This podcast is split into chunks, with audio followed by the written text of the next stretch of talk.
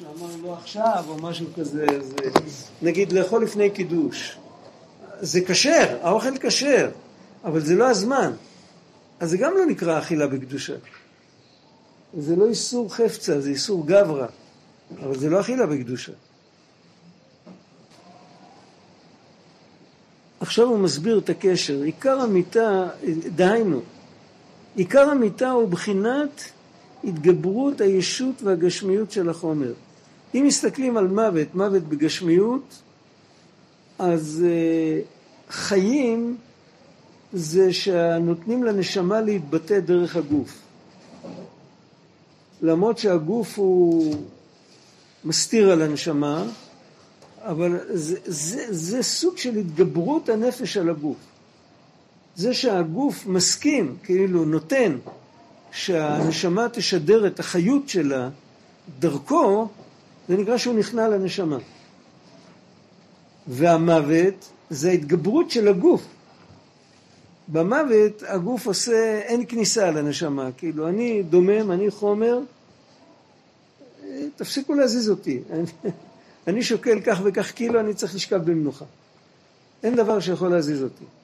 אז חיים זה התגברות הנפש על הגוף בגשמיות, הוא מדבר אפילו על בהמה, על חיים של בהמה ועל מוות של בהמה. קודם כל זה, זה משל גשמי, עכשיו לפי זה הוא יסביר איך שזה ברוחניות. ההתגברות הישות והגשמיות של החומר עד שנתעלם הענווה בבחינת מיתה. הנפש, הטבע של הנפש, הטבע של הגוף, זה שני עניינים הופכיים.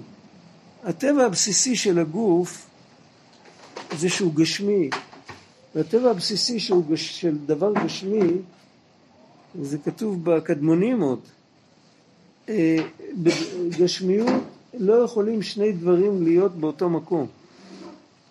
אפילו שני דברים שנראים לגמרי אותו דבר, הם לא יכולים להידחס לאותו שטח. אפשר לקחת שתי מטבעות שנראים בדיוק אותו דבר, אבל הם תמיד, הם תמיד שניים, הם אף פעם לא יכולים להיות אחד. כי כל אחד תופס מקום לעצמו. אם אתה דוחס אותם ואתה הופך אותם, ל... הם נכנסים לאותו מקום, אז הם הפכו להיות אחד. אז אחד איננו. היות שזה לא יכול להיות, אז זה, זה כאילו, עיקר הנקודה של הגשמיות זה שהוא תופס מקום. אחר כך אתה מתחיל לחשוב, רגע, מה תופס פה מקום? יש איזה, אה, כאילו אומרים, אה, דבר נוסף, יש לזה איזה ערך, יש לזה איזה תפקיד. נגיד, זה פטיש וזה מסמר, וזה לחם וזה גבינה.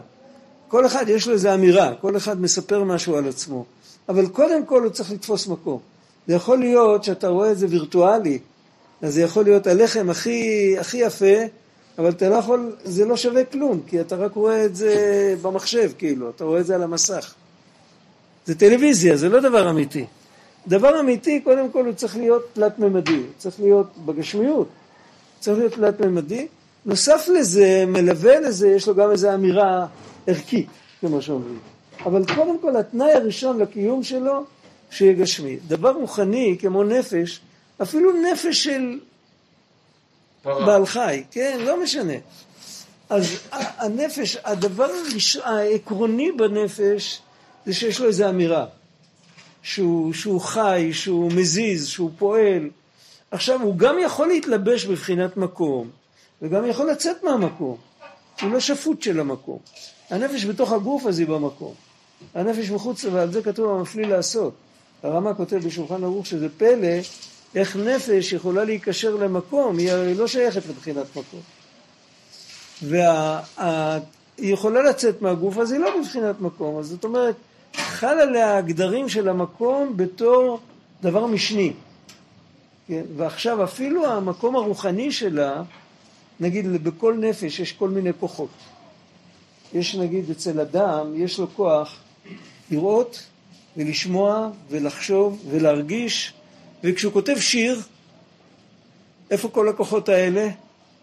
הם כולם עושים ביחד עבודה, לא כמו שתי המטבעות שאמרנו שלא יכולות להיות במקום אחד. פה הם כולם נכנסים בתוך השיר.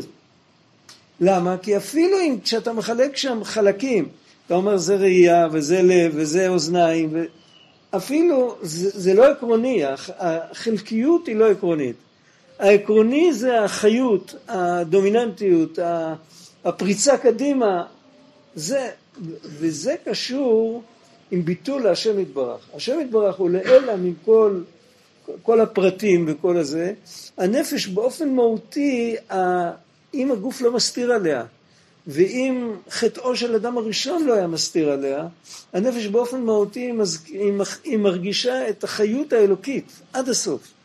ולכן היא מוכנה להתנהג גם לא לפי ההרגלות שלה.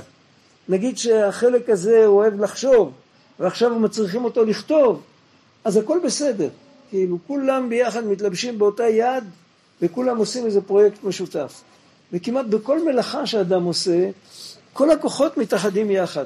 אבל תיקח חפצים גשמיים, גופות, אפילו אם הם רוצים ביחד להקים איזה פרויקט, אבל הם לא יכולים להת... להתחבר. הם יכולים להתחבר בתוצאה של המעשים שלהם, אבל כל אחד שומר על הייחודיות שלו. כי בגוף הנקודה המשותפת היא יותר מוסתרת מאשר בנפש. בנפש יש יותר, יש יותר את היכולת להתאחד, כי בנפש האחדות העליונה מהירה יותר. אז זה קודם כל, זה קודם כל נתן לנו שיעור על ההבדל בין הגוף לנפש.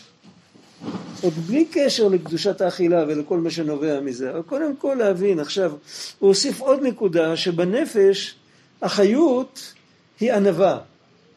נפש נטו, בלי גוף, בלי קלקולים, בלי חטאים, בלי כל זה, אז נרגש בחיות כמו שבתוך נהר, אנחנו מיד, אנחנו מסתכלים על נהר, אנחנו מסיקים שיש באיזשהו מקום מעיין, והנהר הזה, לא, המים לא נבראו פה, הם ירדו מאיזה מעיין. אותו דבר בנפש, התחושה, בנפש זה לא הסקה לוגית, זה תחושה. התחושה שחיים האינסוף. והתחושה הזאת היא הענווה האמיתית. זה ברור. גם אחרי שזה מתחלק לכל מיני כוחות, ויש ראייה לחוד ושמיעה לחוד וכל זה, אם בן אדם מתגאה שיש לו עיניים של נץ ויש לו ידיים זריזות וכל זה, אז הוא באיזשהו מקום החיות כבר מתחילה לזייף. כי החיות אמיתית נטו היא מרגישה שהיא באה מאת השם, אפילו אם היא התלבשה כבר בגוף.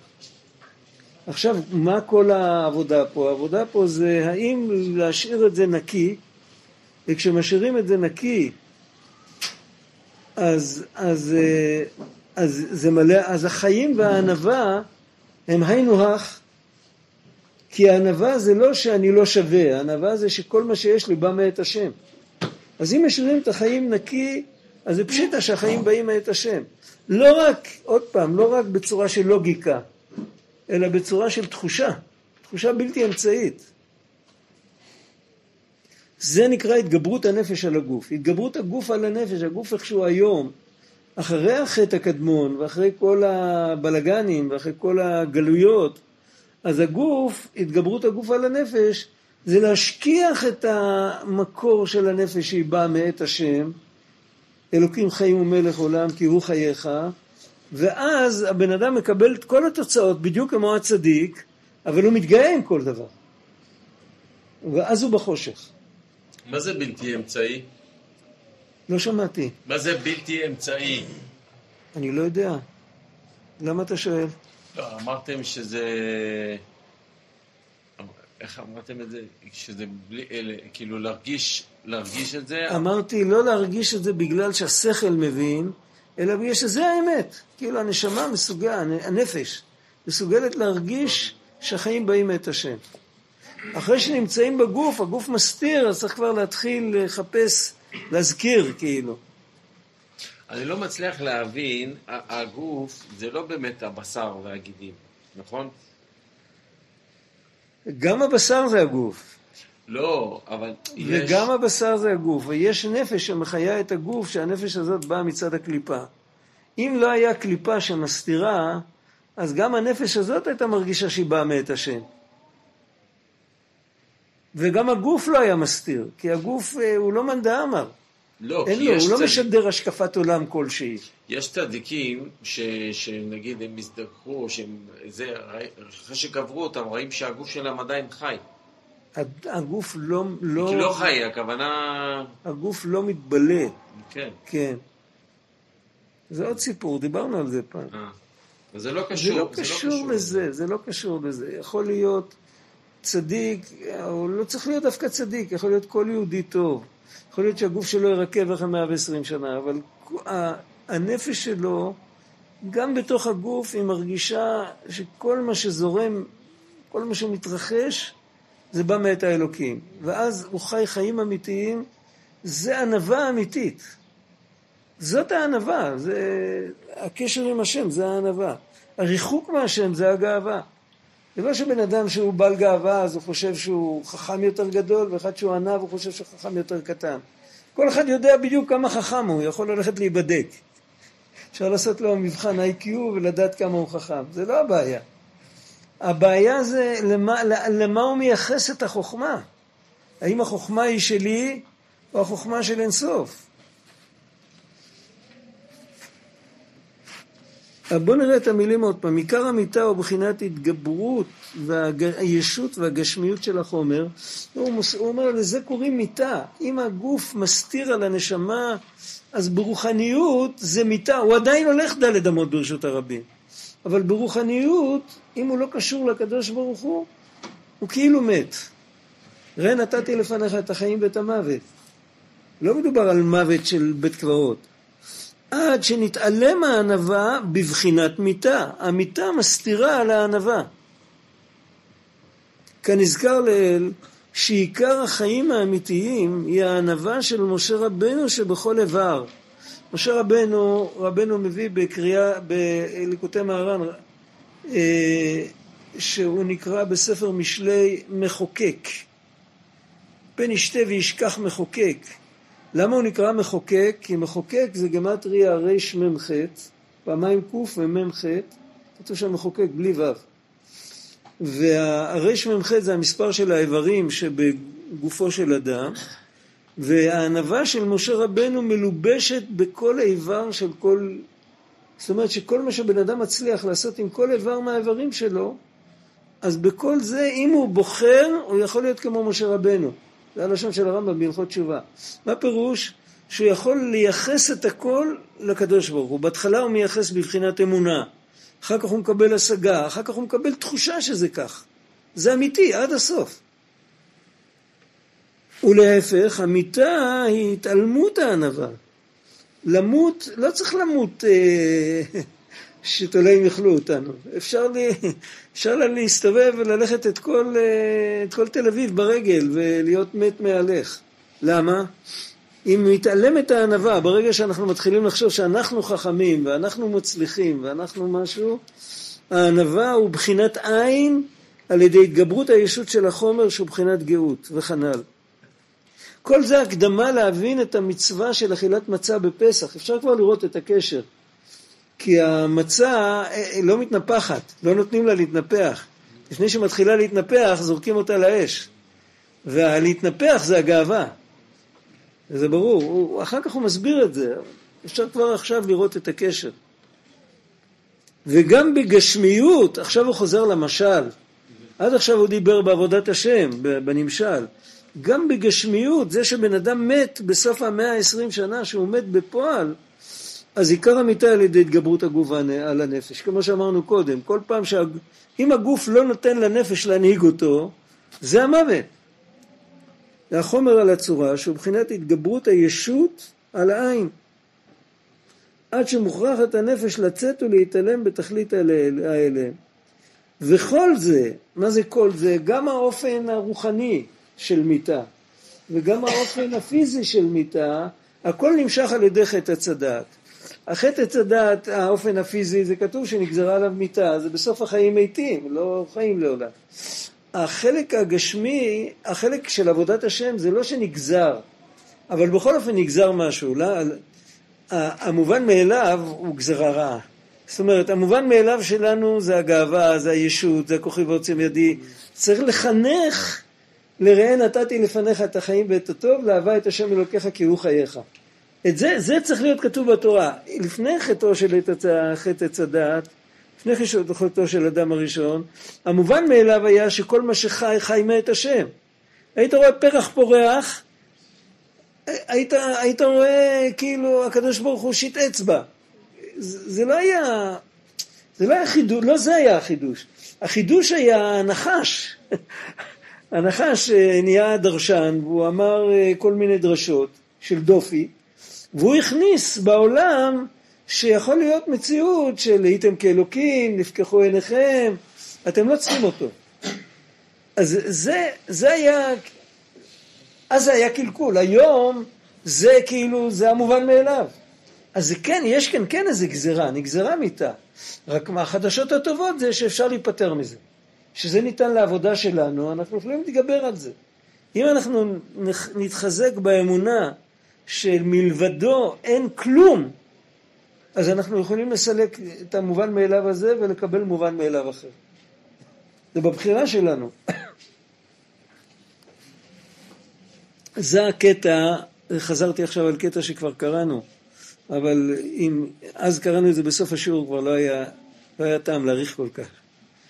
עכשיו, זה בעצם הקדמה לכל מה שהוא ידבר, הוא בדיוק מדבר על פסח. זה 30 יום לפני פסח, השגחה פרטית.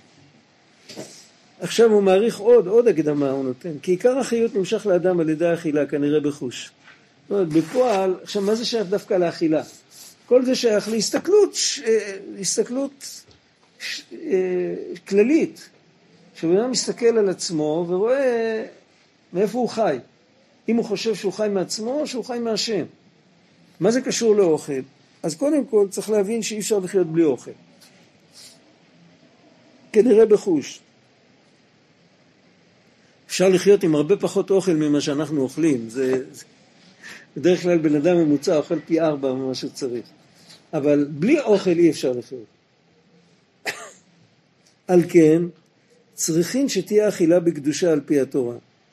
וזה כתוב בכל הספרים, שם מובהר יותר, אני כבר לא זוכר איפה, ראיתי את זה מצוטט בשם מישהו, שהיות שעיקר מה שמסתיר על הקדושה זה הגוף, והגוף נבנה, הגוף, המולקולות של הגוף נבנים מהאוכל. אז ממילא אם אוכלים בקדושה, מקבלים גוף קדוש, אז הוא פחות מסתיר. בשביל זה כל כך חשוב לאכול בקדושה. זה לכאורה זה, זה רק אה, כאילו לשם שמיים, זה לא ממש, זה, כמו שאתה אמרת, זה לא בדיוק מדובר על טרף וכשר, אבל על כל פנים זה מכשירי מצווה. וזה מאוד חשוב. שתהיה אכילה בקדושה על פי התורה. ועל פי התורה זה כולל גם את, ה, את, ה, את ה, כל מעשיך היו לשם שמיים, זה כולל את הכל. ואז נמשך על ידי האכילה החיות מהתורה, וזה לא, זאת אומרת, החיות תמיד נמשך מהתורה. אין דבר שלא חי מהתורה. התורה זה הפנימיות של כל החיות שבכל העולמות. הכוונה שזה נמשך מהתורה, איך אומרים? דיירקט, ככה, אה, ישר, בלי ההסתרות. מה שמסתיר זה הבן אדם, הוא המסתיר. ואם הוא מבטל את עצמו מכריח את עצמו לזכור שמגיע האוכל כשרעבים, אז לזכור. סיפרתי לכם, היה לי פעם חבר שהוא, אני לא זוכר אם סיפרתי את זה פה, יכול להיות. זה, זה סיפור מלפני הרבה שנים, אז יצאו, ה, התחילו לצאת ה, הליקוטי תפילות, הפורמט הקטן, הפעם הראשונה, היום יש כל מיני. אז היה הקרן, הדפיסו מזמן, היה כזה הוא היה, הוא היה בן אדם עם אכילה כפייתית, אתם יודעים מה זה? השם ישמור. בן אדם שכל הזמן אוכל, הוא לא יכול, אם הוא לא אוכל, זה כמו סיגריה. זה לא קשור לאוכל בכלל, זה סוג של התמכרות. אז הוא קיבל על עצמו שהוא לא מתיישב לאכול בלי להגיד קודם דף לקוטי תפילות. רק בשביל כאילו, כאילו לסמן לעצמו שהוא אוכל. הוא כבר לא יודע כמה פעמים הוא אכל ביום. אז כאילו לעשות איזה יש קופסאות סיגריות כאלה שלפתוח אותן אתה צריך שיכאב לך. מכירים את זה?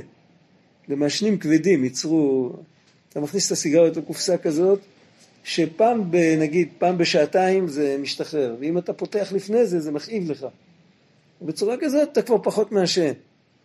אז הוא עשה משהו כזה, הוא לקח, קנה לעצמו ליקוטי תפילות כאלה, קטן, לא את הגדול, הוא לא, הוא לא יחזיק מעמד בזה, אבל קטן כזה, שזה לא, כמה זה לוקח שם להגיד דף, אני לא יודע, לא בדקתי אף פעם. כמה לוקח להגיד דף בקטנים? כלום. חצי דקה. משהו כזה. ו... אבל, אבל הוא אומר, בסוף הוא הפסיק לאכול כל כך הרבה. עצם זה שהוא עשה זיקה, מה שקוראים באנגלית לינקייג', עשה זיקה בין התוכן, הרי הוא הבין מה שהוא קורא בליקוטי תפילות.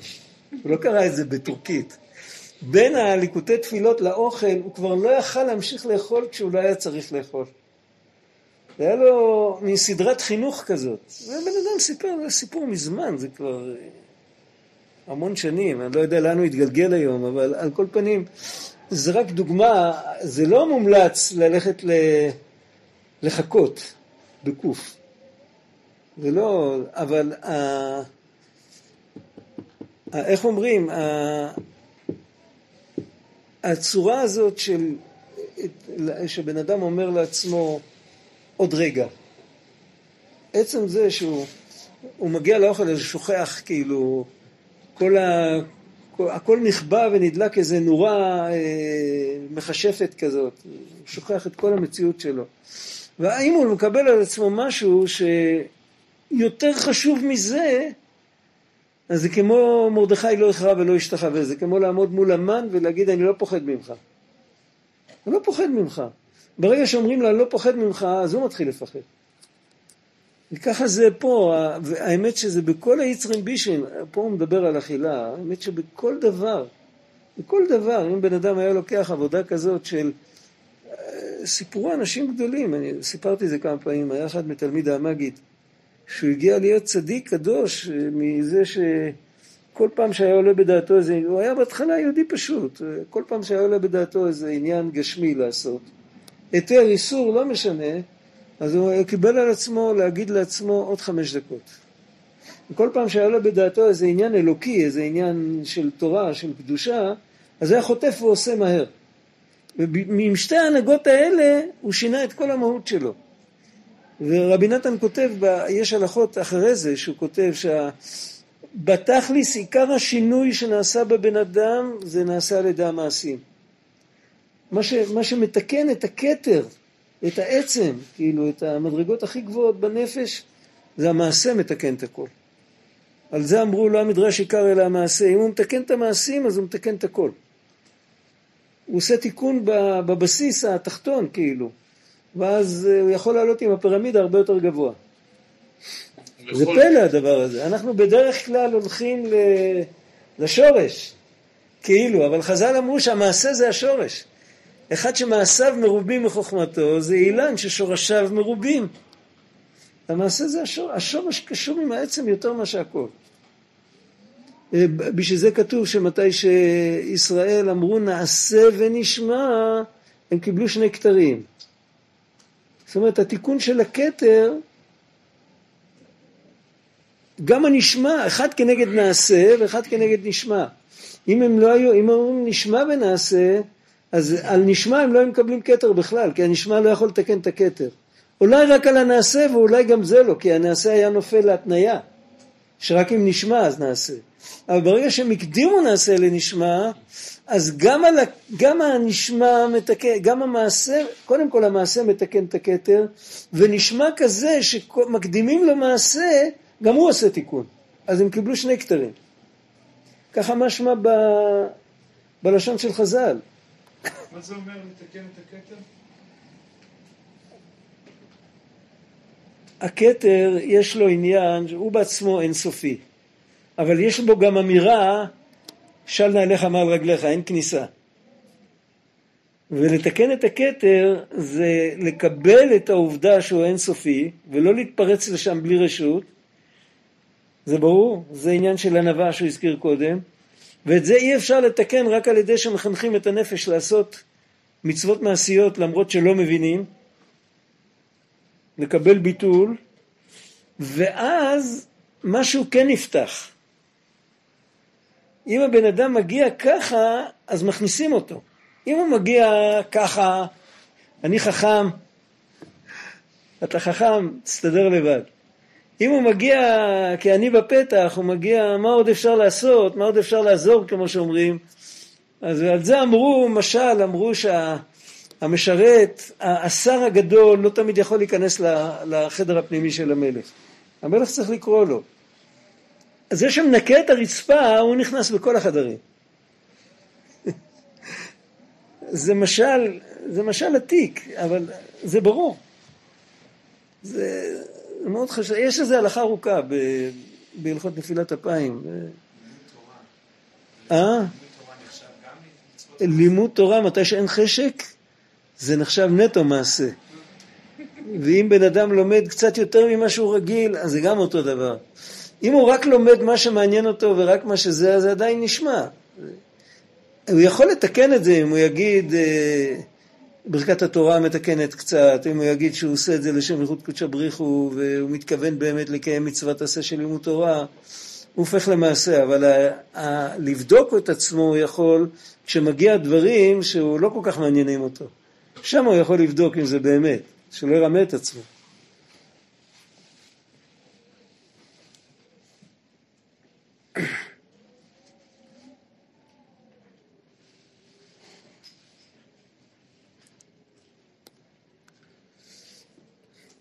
שהוא בחינת חיים נצחיים של העולם הבא.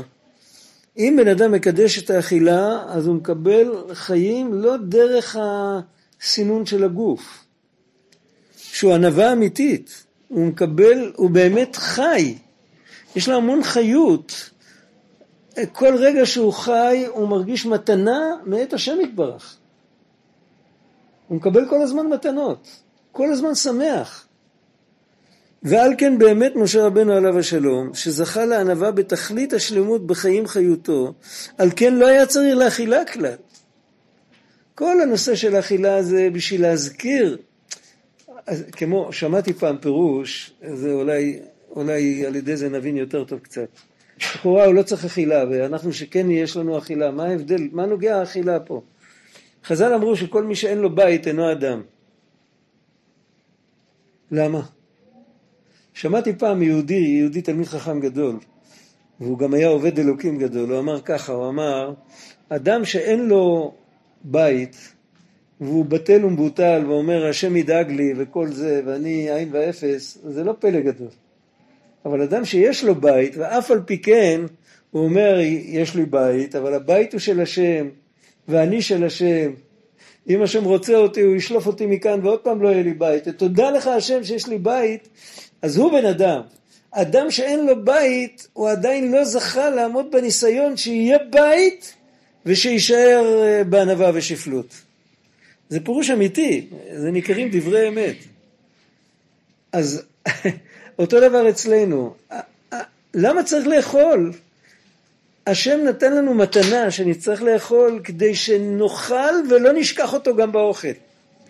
כמו הזה שיש לו בית, שנאכל ונגיד תודה על כל, על כל, אה, על כל לגימה, כמו שאומרים, על כל אה, נגיסה. בשביל זה צריך לאכול. אז דרך זה, זה מתקן את העזות של הגוף, ועל ידי זה אפשר להתחבר לחיים אמיתיים.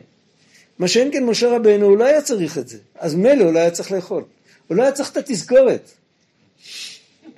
האוכל זה תזכורת. זה תזכורת. הדוגמה הכי טובה להסביר את זה, אפשר להסביר את זה אפילו לילדים. אוכל זה כמו חידה. יש דברים בעולם שהם כמו משל. הרי רבנו אומר שכל דבר זה רמז וצריך... בתורה נ"ד צריך למצוא את הרמזים שיש בכל דבר. יש לפעמים שנותנים רמז, יש לפעמים ששואלים חידה. חידה זה יותר מוסתר מאשר רמז. האוכל, כל התאוות בעצם, זה לא דומה לרמז, זה דומה, סתם ענייני העולם זה רמז. קורה בעולם, אתה שומע משהו, זה רמז. אתה רואה משהו. אבל כשמתחיל תאוות, התמכרויות, כל הדברים האלה, זה לא רמז, זה חידה. והחידה ניתנת כדי לפתור את החידה. וברוך השם, היהודי שלומד תורה, הוא יכול לפתור את החידה. קודם כל הוא פותר את החידה שבאופן עקרוני זה הכל לטובה. בטח יש לזה איזה תפקיד. והתפקיד זה שאני אתאמץ לפתור את החידה. והחידה זה, זה שזה הכל נראה כאילו ישות ונפרדות וזה מרחיק אותך מהשם וכל זה. הפתרון של החידה, שבאמת בשביל זה נתנו לי את זה, זה מסלול מכשולים. דיברנו כמה פעמים, יש במסלול מכשולים, יש קיר, בתחילת המסלול פעם זה היה, אני לא יודע איך זה היום מסדרים את זה. עומד קיר שלא מחובר לכלום, שאתה אין קיר, אין קירות כאלה. זה גם לא מחזיק מעמד, קיר שלא מחובר לכלום. קיר אחד, הוא אמור ליפול. עומד שם קיר באמצע שטח, זה חידה. מה הקיר הזה? הקיר הזה מלמד אותנו שקיר לא עוצר. מה זה, מה, מה המכשול, מה, מה עושים שם עם הקיר הזה? רצים, שמים עליו שני ידיים וקופצים מעבר. זה כל ה... זאת אומרת, הקיר נועד ללמד אותנו שקיר לא יכול לעצור אותנו. וזה בעצם, זה, זה לימוד גדול, זה, זה רמז. זה רמז. מי שלומד במסלול תורה נ"ד, אז הוא מבין שזה, מהמסלול הזה אפשר ללמוד לעבוד את השם. שקיר לא יעצור אותנו. ואותו דבר, כל התאוות וכל ה, כל הדברים העקומים שיש, הם נועדו ללמד אותנו ששום דבר לא יכול לעצור אותנו. זה הדבר המשכיח שיהפוך להיות הדבר המזכיר. להפך, להפוך את, להפוך את ההסתרה ל... ל... לא הצלחתי להבין איך האוכל הוא חידה. הוא חידה כי אתה יודע מצד אחד, אתה, יודע, אתה, אתה רואה משהו שהוא מושך אותך שאתה לא יכול להתגבר. וזה לא מתאים. כאילו, מה, אני בן אדם, ומה, אני הולך עכשיו לטבוע בתוך צלחת מרק? איך, איך זה קורה לי? עם כולם אני מסתדר, איך מישהו אמר פעם, אני מתגבר על כל האויבים שלי חוץ מעל הסיגריה. איך, איך זה? מוכרחים להגיד שיש כאן איזה סוד. זה כמו חידה, כשאתה שואל חידה, זה נראה לך שאת הכל אתה מבין, אבל את החידה הזאת אי אפשר לפתור. אבל אם תתאמץ, תפתור אותה. אחרי שתפתור אותה, תזכור את זה יותר טוב מאשר דבר שלא התאמצת עליו. כי התאמצת על זה. אז זה, זה, זה העניין. העניין שצריך להבין שנתנו לנו משהו שגורם לנו לשכוח, כדי שנזכור עם מאמץ. וכשזוכרים עם מאמץ אז כבר לא שוכחים יותר. לא שנזכור סתם, אה, יש בפסוקי דזמרה כתוב, בתוף וכינור יזמרו לו, בתוף וכינור יזמרו לו. יש הבדל גדול בין שניהם. כינור זה ליריקה, זה כזה נעים כזה. תוף זה כמו לחטוב עצים, מה זה, זה העבודה הזו. אז זה כתוב קודם. כי אם אין את התוף, אז גם הכינור לא יעבוד. זה מה שחז"ל אמרו, לא המדרש עיקר אלא המעשה.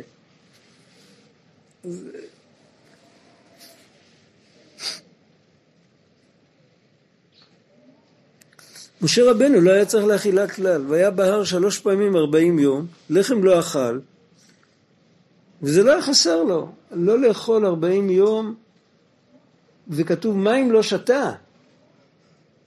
זה אנחנו לא מכירים. לא לאכול ארבעים יום, לשתות מים, עוד אפשר איכשהו לשרוד, אבל לא לשתות ארבעים יום, זה לא שייך. כי כל חיותו היה חיים אמיתיים. שהם חיים נצחיים של העתיד, שהם ענווה אמיתית, וכנזכר לעיל. והגוף הוא כלי לקבל את החיים האלה. זה שיש שם התניה שצריך לשתות או לאכול, זה רק כדי לזכור שאנחנו חיים מאת השם. כדי לזכור למרות, ה, למרות ההסתרה הזאת. עוד פעם? אוקיי. אבל שאר בני העולם צריכים לאכול כדי להמשיך חיות. ועיקר החיות הנמשך על ידי האכילה נמשך משורש החיים.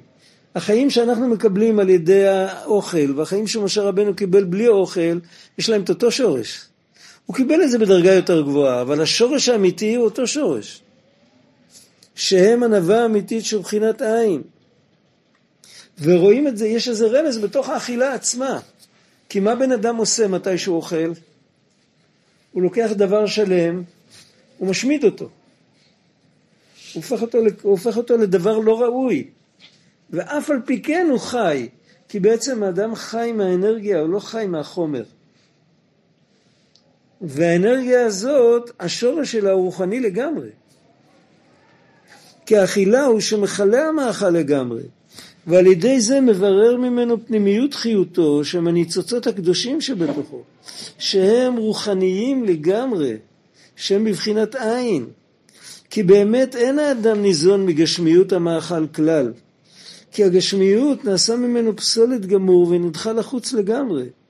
הכיכר חיותו הוא מחיות המאכל, שהוא בחינת עין, בחינת ענווה, שהוא בחינת חיים נצחיים שמשם שורש החיים. ומי שאוכל בבחינה זאת בלי שום תערובת פסולת, בוודאי הוא חי לעולם. בבחינת ואכל וחי לעולם. מה פירוש הוא חי לעולם? אנחנו רואים שקוברים אותו, אבל בעצם הוא ממשיך לחיות. שהם הצדיקים האמיתיים שהם חיים וקיימים תמיד לעולם ואינם מתים כלל. כמו שאמרו אבותינו ז"ל, הצדיקים במיתתם קוראים חיים. זאת אומרת, זה שיש להם באמצע החיים שלהם, אז הם חלק מהחיים הם, הם בלי גוף, אחרי זה הם בתוך גוף, אחרי זה הם יוצאים מהגוף, אז זה נחשב אצלם כהמשך אחד. זה כמו, כמו בן אדם שפעם הוא בבית, פעם הוא בחוץ, אז זה לא מה שהוא, זה לא אותו אדם. אצל הצדיק, הגוף הוא כאילו עוד, עוד, עוד גורם חיצוני, עוד משהו. כמו שאמר רבי שמעון בר יוחאי קודם הסתלקותו, שנה הני דאיקרון חיים. אה, הוא מדבר הנה זה הצדיקים.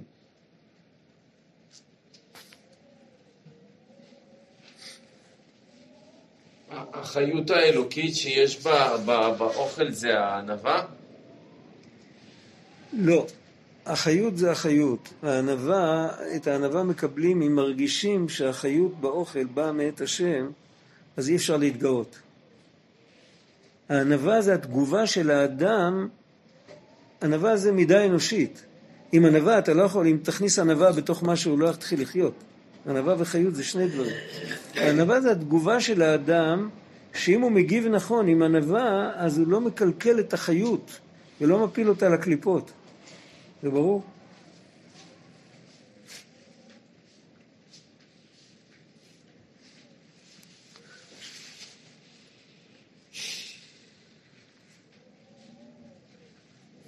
וכמו שאמרו רבותינו זה על יעקב אבינו, לא מת. אבל כך היה אמור להיות בעצם כל אחד מאיתנו. אבל על ידי חטא אדם הראשון התערבו כל הדברים. ומחמת התערובות שיש באכילה, על כן אי אפשר ליזון מהחיות דקדושה שבו, שבאוכל, שהוא מבחינת ענווה ועין, כי, אם על פי התורה הקדושה שמבררת כל הדברים. כמו שכתוב בתורתך בתוך מאי. ולכן הוא לא יכול, כל דבר מקבל חיות מאת השם. אבל יש דברים שהחיות שבהם היא קשורה לקליפות ואנחנו לא יכולים להגיע אליה. זה כמו שמשהו עטוף, אגוז עם, בתוך קליפה קשה, נסה לשבור אותו עם השיניים, אתה תשבור את השיניים. אבל ברכה תחילה וסוף. וגם עם כל זה אי אפשר לחיות לעולם, או צריכים למות. כי אי אפשר לברר בשלמות בחייו, כי אם על ידי שישוב אל העפר. חלק מהתיקון של חטאו של אדם הראשון, חלק מהתיקון של הגאווה שהנחש הכניס באדם, זה שהבן אדם יודע שהוא ימות. התיקון של המוות זה לא רק במוות, כאילו מזדק, הגוף מזדכך באפר. הידיעה שיש מוות, זה כבר מוריד את הגאווה, זה כבר עושה תיקון. חז"ל רמזו את זה במאמר של תינוק משעה שנולד מתחיל להתייבש. אז באמת נכון שהגוף מאבד אנרגיה כל הזמן, אבל, אבל יש בזה גם רמז רוחני. עצם, ה... כי עפר אתה ולעפר תשוב, אמרו לאדם חי, וזה לא קרה לו תוך שתי דקות, אבל כתוב כי יום אכולך ממנו מות תמות. הת... התהליך של המוות מתחיל באותו יום שאכלת מעץ הדת. מה זה התהליך של המוות? ובינתיים הוא גודל והוא מתחזק, זה נראה ככה, זה לא ירידה. הבן אדם נולד, אבל אם הוא יודע, עצם זה שהוא רואה שאנשים מתים והוא יודע שהוא ימות, זה כבר מתקן את הגאווה שלו. אם בן אדם לא היה יודע, בן אדם שלא יודע שמתים, הוא גדל לבד, אני יודע מה, איך שהוא הצליח לגדול לבד, אז אה, הוא יכול להיות עבודה זרה ממש. אבל לכאורה אתה רואה בעולם שזה בדיוק הפוך. לא, כי בוא נאכל ונשתה כי מחר נמות, אז אדרבה, כאילו להתיר להם את התאוות, את כל ה... כי הבחירה עדיין נשארת. אז הפטירה היא לא מצמצמת אותי הבחירה, זה לא עניין של גאווה, נאכל ונשתה כי מחר נמות, על כל פנים מגאווה הוא, הוא, הוא, הוא, הוא רחוק. זה תאווה בלי גאווה, אבל מהגאווה זה לא עבודה זרה, נאכל ונשתה כי מחר נמות, זה לא עבודה זרה. כתוב ברש"י על אדם הראשון, שאם הוא היה חי לעולם, אז היה מטעה את הבעלי חיים שיעבדו אותו עבודה זרה, היה מטעה את כל העולם אחריו. וזה, נאכל ונשתה כי מחר נמות, הם לא חושבים שהם... הם לא חושבים, לא יטעו אף אחד שישתחווה אליהם. לא, זה גורם להם לא לחזור, כאילו... בסדר, אבל זה עדיין יותר קל לדבר עם בן אדם כזה מאשר בן אדם שיפתח תיאוריה שהוא לא ימות. נסה להחזיר בתשובה בן אדם שמישהו כתב פעם ספר שבעצם לא מתים. כל מה שאנחנו מתים זה רק אוטוסוגסטיה, אנחנו רואים אחרים מתים אז אנחנו מאמינים שגם אנחנו נמות. אבל אם, אם אה, כאילו ייקחו לנו את ההסתכלות העצובה הזאת, נאמין שאנחנו לא מתים אז לא נמות. זה שקר. זה שקר גמור. אבל הוא כתב ספר, עכשיו תחשוב, אף אחד לא, לא קרא את הספר ואף אחד לא קנה את הספר. הספר התמלא אבק, הורידו אותו מהמדפים. זה לפני חמישים שנה בערך, היה ספר כזה על המדפים. כבר לא זוכר איך קראו לו. לא קראו לו חיים נצחיים. קראו לו משהו אחר. לא, אה, לא יודע, אה, ספר, גם האנגלית, אני לא יודע, מישהו. מישהו כתב ספר, זה פילוסוף. וזה זה פשוט שזה לא נכון. אבל אם בני אדם היו, אם היה נוצרת תנועה חברתית מאחורי הספר הזה, היית יכול לחזור אותם בתשובה? אבל את הנאכל ונשתה כי מחר נמות, אפשר לחזור בתשובה. זה ברור, זאת אומרת, אם היה חי לעולם, אז היה ביטול הבחירה לכיוון ההפוך. זה מאזן את הבחירה שלנו. מצד אחד אנחנו מדחיקים את זה, אין דבר שמדחיקים יותר מיום המיטה. בפרט ככל שמזדקנים יותר זה מתקרב, זה מפחיד, אז מדחיקים את זה. אבל יצחק בנדר אמר שמדחיקים את זה, אז זה רק, זה רק עושה יותר גרוע. רק אה, מדחיקים את הקונפליקט יותר פנימה. הוא אמר להפך, יהודי שחושב כל יום על זה שהוא עתיד למות, הוא יהודי שמח. הוא שם את זה על הצג, הוא מתבונן בזה, הוא מתרגל למחשבה הזאת, והוא יודע שצריך לתקן מה שהוא יכול. ו... וכל אלה שפוחדים לחשוב על זה, אז הם, הם, הם בשאול תחתית, הם, הם מלאים מראה שחורה, והם מציגים הצגה שהם שמחים והם אוכלים את עצמם בפנים. וזה מאוד נכון, זה, זה ברור לגמרי. אה, הוא דיבר על זה פעם, הוא אמר שבני העולם אומרים שיהודים דתיים הם כולם מראה שחורה, כתוב בגמרא יזכור לו יום המיטה. זה כאילו, מה זה הדבר הזה?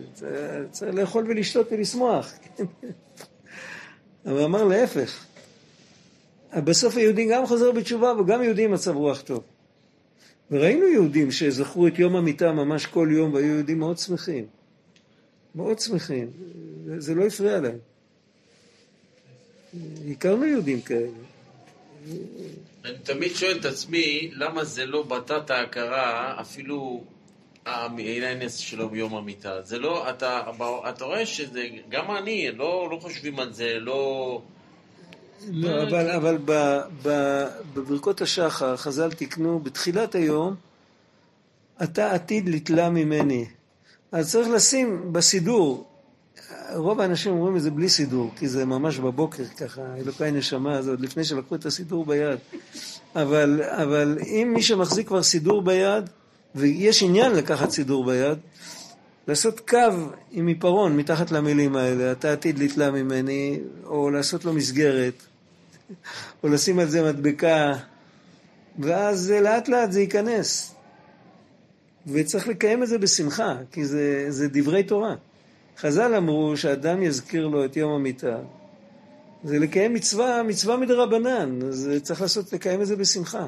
לא צריך להיות עצוב מזה. להפך, אם בן אדם לא פוחד, אם בן אדם פוחד מהחיים, הוא לא פוחד מהמוות. אם הוא יודע איך לחיות, זה לא מפחיד למות.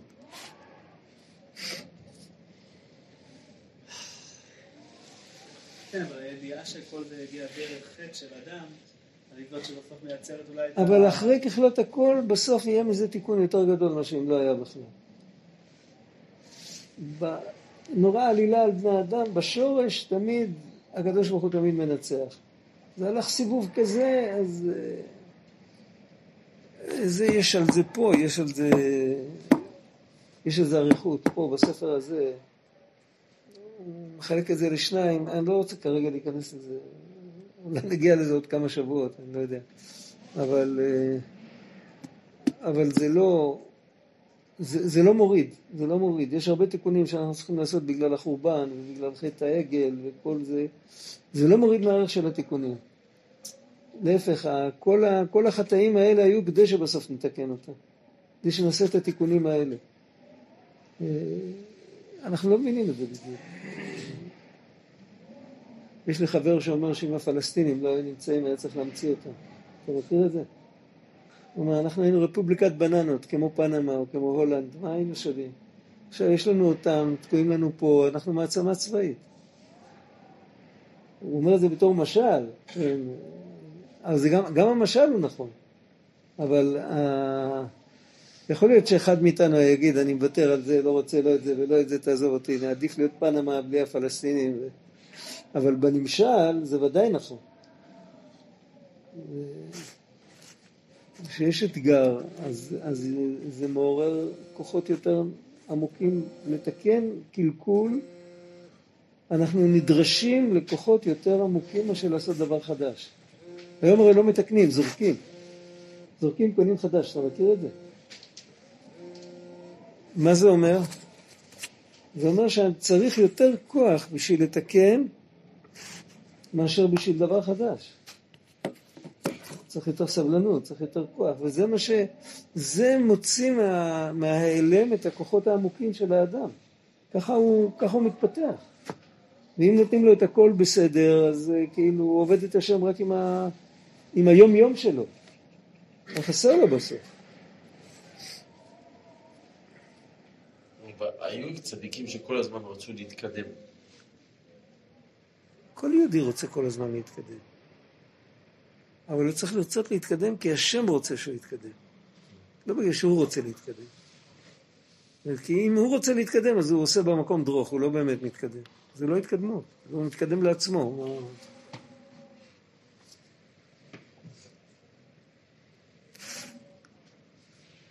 התורה מבררת את כל הדברים, כמו שכתוב בתורתך בתוך מאי, ועל ידי ברכה תחילה וסוף, וגם עם כל זה אי אפשר לחיות לעולם, צריכים למות, אי אפשר לברר בשלמות בחייו כי אם על ידי שישוב אל העפר וכנזכר לב. אבל על כל פנים בוודאי יש חילוק גדול בין האכילה, כי האכילה שבקדושה על פי התורה היא עיקר החיים, כי ממשיך חיות משורשו מבחינת ענווה שבחינת חיים נצחיים וכנזכר לאל. אפשר להפסיק פה, נלך להתפלל. השם יזכה אותנו שנזכה לשמוח.